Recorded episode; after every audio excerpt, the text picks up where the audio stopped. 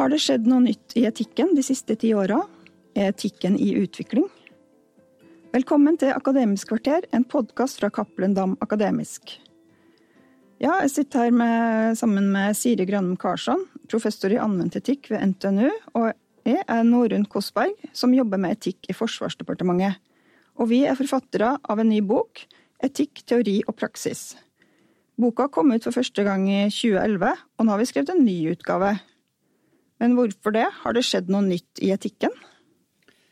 Tja, mange tenker kanskje at eh, det ikke skjer så veldig mye innenfor etikken. Vi filosofer driver jo fortsatt og snakker om Aristoteles og Kant og alle de der. Men når vi skrev den første utgaven, så tenkte vi at etikken har dreid mer i retning av anvendte problemstillinger. At det har oppstått mange eksempler på det som vi kaller for områdeetikk, sånn som næringslivsetikk, medisinsk etikk, bioetikk, den type ting. Og det prøvde vi å få fram eh, i den forrige boka. Eh, men utfordringa er jo kanskje at utviklinga innenfor områdeetikken går fortere enn innenfor den teoretiske etikken. Det skjer jo ting innenfor begge områder, men det skjer enda mer og enda raskere innenfor områdeetikken. Så etter ti år så var det mange av de eksemplene vi hadde brukt, som kanskje var litt sånn vi følte var litt utdaterte, og noen områder som hadde utvikla seg såpass mye at vi følte at det kanskje var nødvendig med en ny utgave. Og særlig når det gjaldt to temaer, så syns vi det var mye å ta tak i. Eh, både når det gjelder utviklinga innenfor det faglige, på en måte, innenfor etikk, og eksempler på nye etiske problemstillinger i praksis, nemlig teknologisk utvikling og bærekraft. Og de to tinga henger tett sammen, så det skriver vi en del om i den nye utgaven. Teknologisk utvikling har gjort oss i stand til å utnytte naturressurser i enorm skala. Og det her har prega miljøet og klimaet på planeten vår i så stor grad at eh, man kan si at vår fortsatte eksistens på jorda er under trussel. Og samtidig så mener jo mange at det er nettopp teknologien og den videre teknologiske utviklinga som vi må stole på hvis vi skal klare å løse det her problemet. Vi kan bruke et eksempel som industrialiseringa av jordbruk, eh, som har ført til store CO2-utslipp og tap av naturmangfold.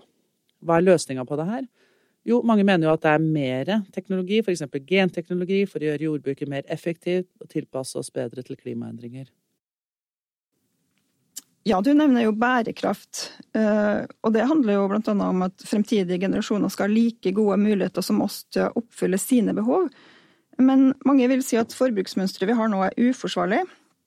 Med utnytting av klodens ressurser som forbruk av energi og vann, klær og mat. Og så er det et begrep som heter intergenerasjonell rettferdighet, som er kanskje relevant å nevne her. Men hva er egentlig intergenerasjonell rettferdighet? Jo, det handler jo kort sagt om at etiske prinsipper om rettferdighet ikke bare handler om vårt forhold til hverandre altså vi, jeg og du og vi som lever nå, men at også fremtidige mennesker har krav på leveverdige forhold på planeten. At det er urettferdig hvis uh, våre barnebarn og barnebarnsbarn ikke har de samme mulighetene til å lage seg gode liv som oss. Um, og som du sier, bærekraft handler om at vi må beskytte naturen i den grad at senere generasjoner har like gode muligheter til å oppfylle sine behov som vi har til å oppfylle våre. Men det er jo ikke helt så enkelt å regne seg fram til hvis man skal ha en, en, slags kalkyle for det, hva, akkurat hva betyr det? Blant annet fordi vi vet jo egentlig ikke helt hva slags behov fremtidige generasjoner vil ha. Vi har snakket om teknologisk utvikling, som kanskje vil gjøre at uh, man trenger mindre av noen ressurser, mer av andre. Vi vet ikke hvor mange de kommer til å være. Vi vet ikke i hvilken grad det vil være behov for ja, de samme eller andre ressurser enn oss. Um, så bærekraftig utvikling må jo være å, å, sikre at de har tilstrekkelig til å dekke sine behov, at vi må prøve å tenke framover om hva, hva det vil innebære. Men det er i praksis veldig vanskelig da, å balansere de her forpliktelsene opp mot f.eks. hensynet til de eh, som lever nå, som er fattige. Eh, I hvor, stor, grad skal vi liksom, spare på begrensa ressurser til folk som ikke eksisterer ennå, når vi har mennesker som lider i dag, som har et behov for de ressursene. Ja, også når det gjelder mange etiske tema, som f.eks. For forbruk og bærekraft, da, så er det jo en slags spenning mellom hva er vårt personlige ansvar, og hva er egentlig strukturelle og politiske løsninger. Ja, ja. Og de her temaene er av en sånn art at det er lett å miste troa på at det en selv gjør, det jeg gjør, har noe å si. Det hjelper ikke at jeg sorterer plastsøpla mi i en egen pose hvis det ikke er systemer på plass som sørger for at den plasten blir resirkulert, eller iallfall tatt vare på, ikke havner i en eller annen elv et eller annet sted i verden, sånn som mange frykter er det som skjer i dag. Og så har vi ikke helt oversikten over det. Det er kompliserte systemer. Og da er det lett å miste troa på at ens egne handlinger har noe å si. Og hvorfor skal akkurat jeg slutte å spise kjøtt? Eh, eller slutte å handle eh, fast fashion eh, hvis alle andre fortsetter å, å kaste inn på burgere og, og handler seg nye, nye, fine klær hver uke? Altså, så, så, du sier at det, det hjelper ikke å slutte å bruke plastposer? Uh, og vi diskuterer jo det her i boka. Vi, bruker, vi tar utgangspunkt i eksempelet med den her grånebhvalen som ble altså, funnet på Sotra med magen full av plastposer og, og annet søppel. Uh, som skapte veldig mye fokus på plastsøppel i havet i Norge. Og vi har tilsvarende eksempler internasjonalt. Altså, plast i havet er jo et enormt miljøproblem. Men har det noe å si at jeg bruker plastposer, at jeg kjøper en ny plastpose hver gang jeg er på Rema? Uh, I mange land så har de jo forbudt plastposer, eh, nettopp for å få, prøve å få liksom, bukt med det problemet her. Og i Norge har vi jo f.eks. slutta med plastskjeer. Eh, problemet er jo mangelen på gode alternativer. Mange bruker jo nå papirposer eller handler av stoff når de handler mat, men det er jo et komplekst regnestykke å komme fram til om det er et bedre alternativ. Man har jo forskere, danske forskere som har kommet fram til at én papirpose har 43 ganger større miljøavtrykk enn en plastpose. Blant annet fordi det er så ressurskrevende å lage. Og hvis du har en sånn tote bag av bomull, så må du bruke den mange tusen ganger før den er like miljøvennlig som plastposen. Men det betyr jo ikke at det er feil. Kanskje er det nettopp det vi må gjøre. Så i hvilken grad vi bør slutte med plast, er et spørsmål som ikke uten videre kan gis et klart og tydelig vitenskapelig svar på, fordi det avhenger av våre verdier og hvordan vi innretter livet våre, og hva vi er villige til å gjøre. Problemet er jo egentlig ikke plast i seg selv, som kan være tvert imot en måte å bevare miljøet på, hvis vi bruker den riktig. Men problemet er overforbruk, og det kan vi ikke løse ved å erstatte et miljøskadelig produkt med, med, et annet. Ja, det her var jo veldig komplisert, egentlig, da. Altså er det kanskje sånn at når verden blir mer komplisert, så blir etikken også mer kompleks og uoversiktlig. Og man trenger jo ganske høy grad av kompetanse, da, for mm. å kunne ta de riktige beslutningene. Eh, det holder ikke lenger med moralsk intuisjon, eller bare å være et ok menneske som har lyst til å være snill og grei. Eh, men hvor mye har vi som enkeltpersoner egentlig ansvar for? Eh, vi kan vel snakke om strukturell umoral og individuell umoral, kanskje? Ja, det er jo sånn, altså det er mange moderne, på en måte nye etiske problemstillinger som handler om bærekraft og teknologi osv., som, som krever at vi må gjøre en innsats. Og det, jeg tenker at det er et viktig poeng for oss i boka at vi har et ansvar for å educate eh, ourselves, som ungdommen pleier å si. Eh, og derfor så oppstår det på en måte nye typer anvendt etikk, da, som er en forsøk på å koble kunnskap om verden, som vi har et slags etisk ansvar for å skaffe oss.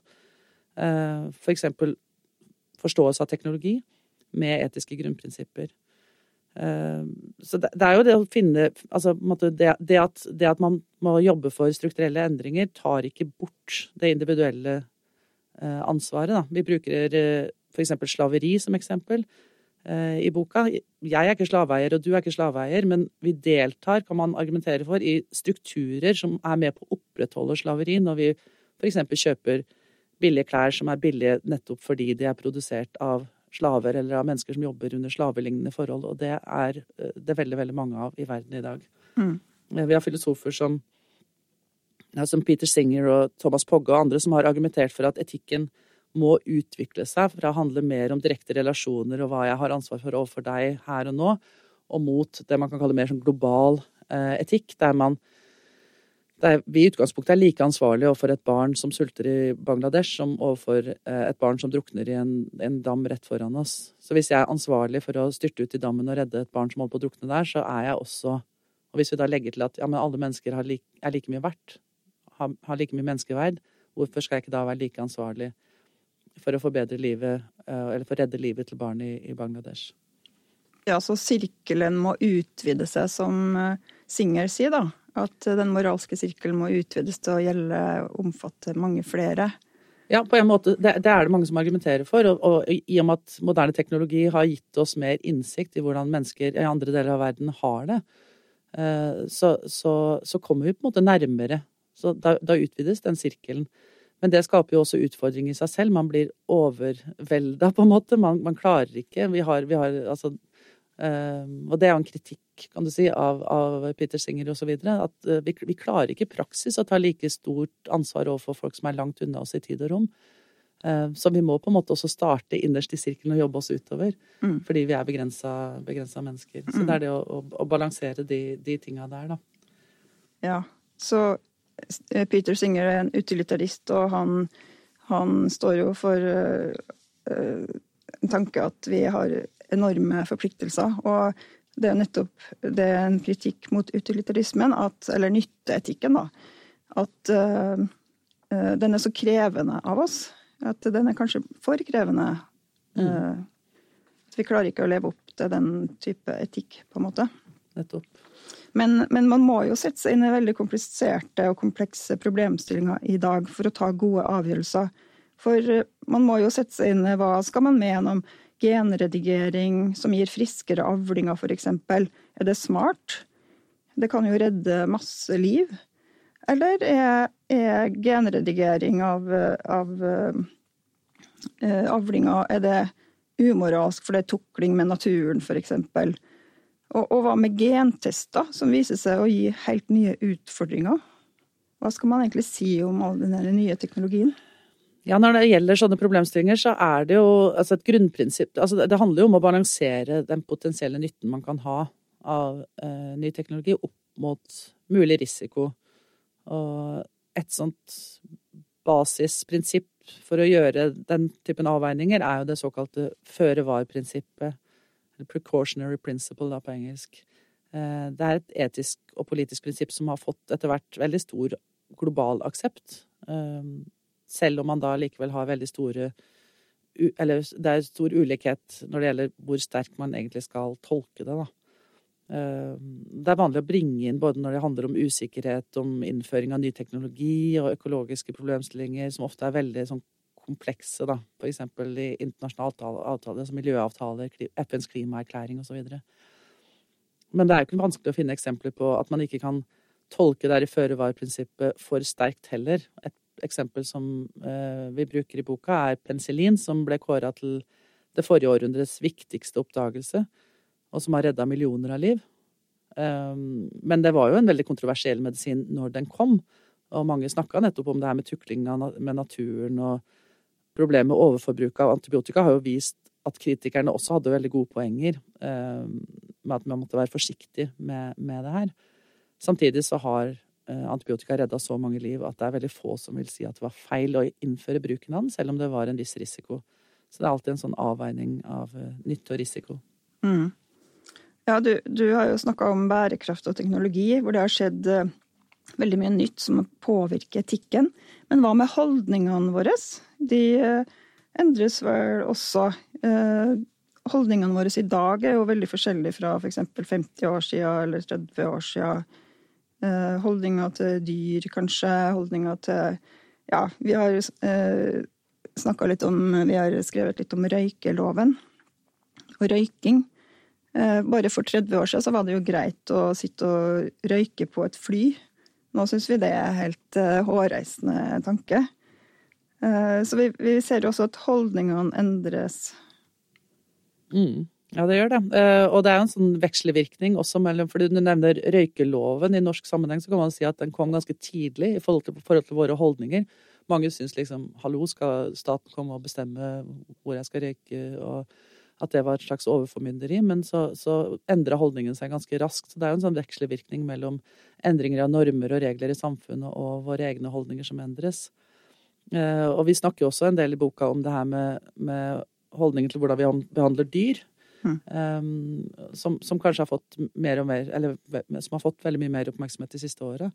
Uh, og mange mener jo at uh, holdningen uh, det, Våre etiske grunnholdninger til dyr er i stor endring i våre dager, da. historisk sett så har jo ikke dyr i noe særlig grad blitt anerkjent som gjenstand for etiske hensyn i det hele tatt. Altså vi kan si at etikken stort sett har vært menneskesentrert, eller antroposentrisk.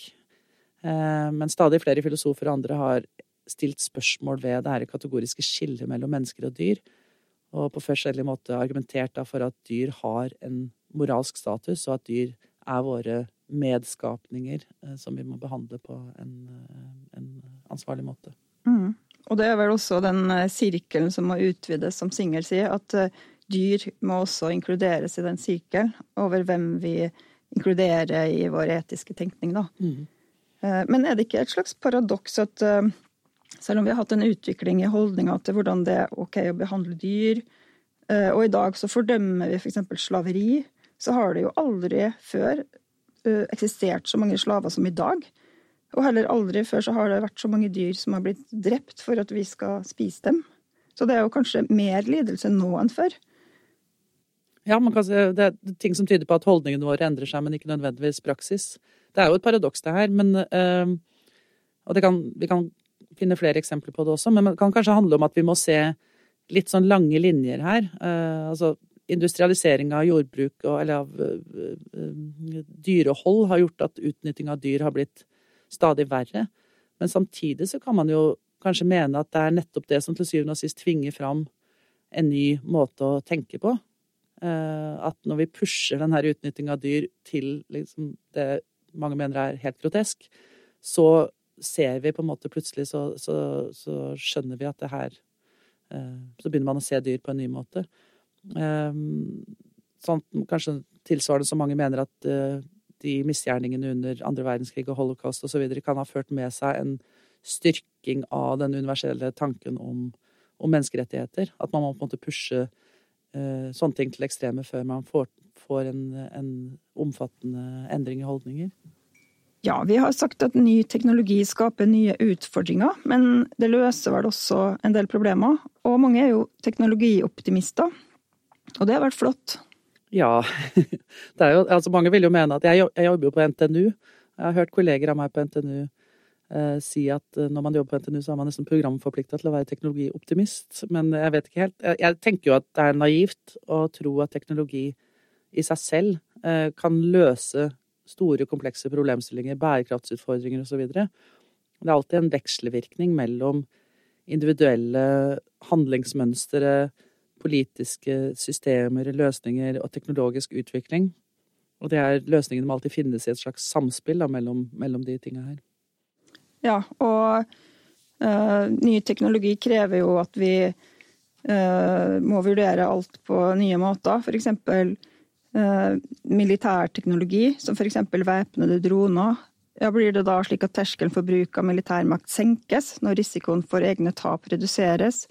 Og, eller bør man være forsiktig med å ta i bruk uh, ny teknologi? Eller er det uetisk å ikke bruke væpnede droner, hvis det kan føre til bedre presisjon, og dermed kanskje redusere sivile tap? Så det kreves jo mer av oss i dag for å ta moralske valg. Mm. Ja, det er, det er jo det at det, det er et poeng at det å ikke ta stilling til den type ting kan jo være like umoralsk. Så det er på en måte sånn at, som du sa tidligere, at det er ikke Etikk er ikke å være en godhjerta person med gode intensjoner. Det holder ikke. Man er altså nødt til å sette seg inn i de her kompliserte problemstillingene og oppdatere seg på, på de tinga her. Mm.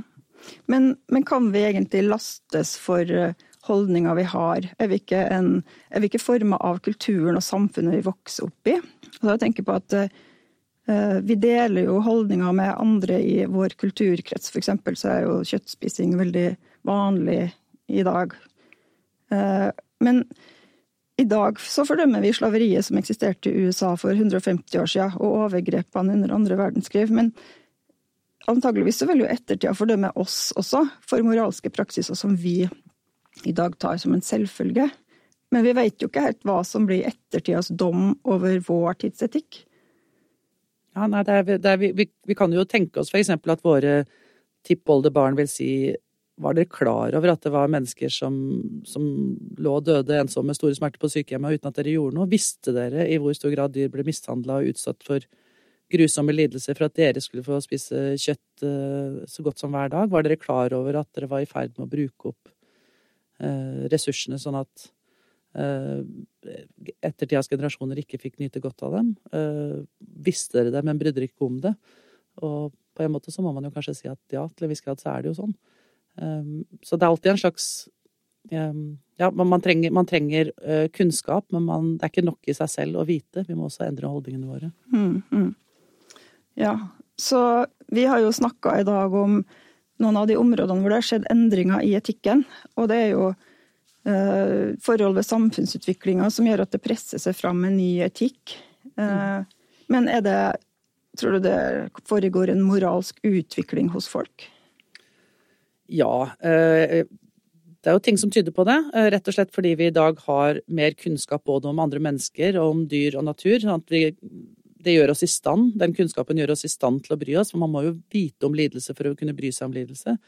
Men så er det jo igjen det her gapet mellom idealer og praksis. At men om mennesker i dag faktisk er jevnt over mer etiske eller moralske, det, det er jo et annet spørsmål. Eh, men det er jo sånn at man Hans Jonas, en tysk filosof, mente jo at eh, teknologisk utvikling gir oss et behov for en ny etikk. Eh, han argumenterte for det allerede på 1970-tallet, at vi, de utfordringene som teknologien gir oss altså Han tok særlig utgangspunkt i utvikling av atomvåpen. Og skrev at det, som, det, altså det at vi har blitt i stand til å utslette store deler av livet på jorda, eh, det gjør at etikken må endre seg. Og i dag har vi jo den typen bærekraftsutfordringer som gjør at vi eh, er i stand til å ut utrydde uh, arter og gjøre tilværelsen for mennesker veldig mye vanskeligere på jorda. Um, og ifølge Hans Jonas så gjør det at vi må utvikle etikken. Tradisjonell etikk hadde kanskje mer fokus på oss her og nå, uh, og jeg og du og vårt forhold til hverandre uh, som enkeltmennesker. og også mindre kanskje samfunn og så videre. men i stedet så må kanskje den nye etikken fokusere mer på vårt kollektive ansvar overfor fremtidige generasjoner. Men da blir jo utfordringa at følelsene også må være hekta på det her, da. Takk. Du har nå hørt Akademisk kvarter, en podkast fra Cappelen Dam Akademisk.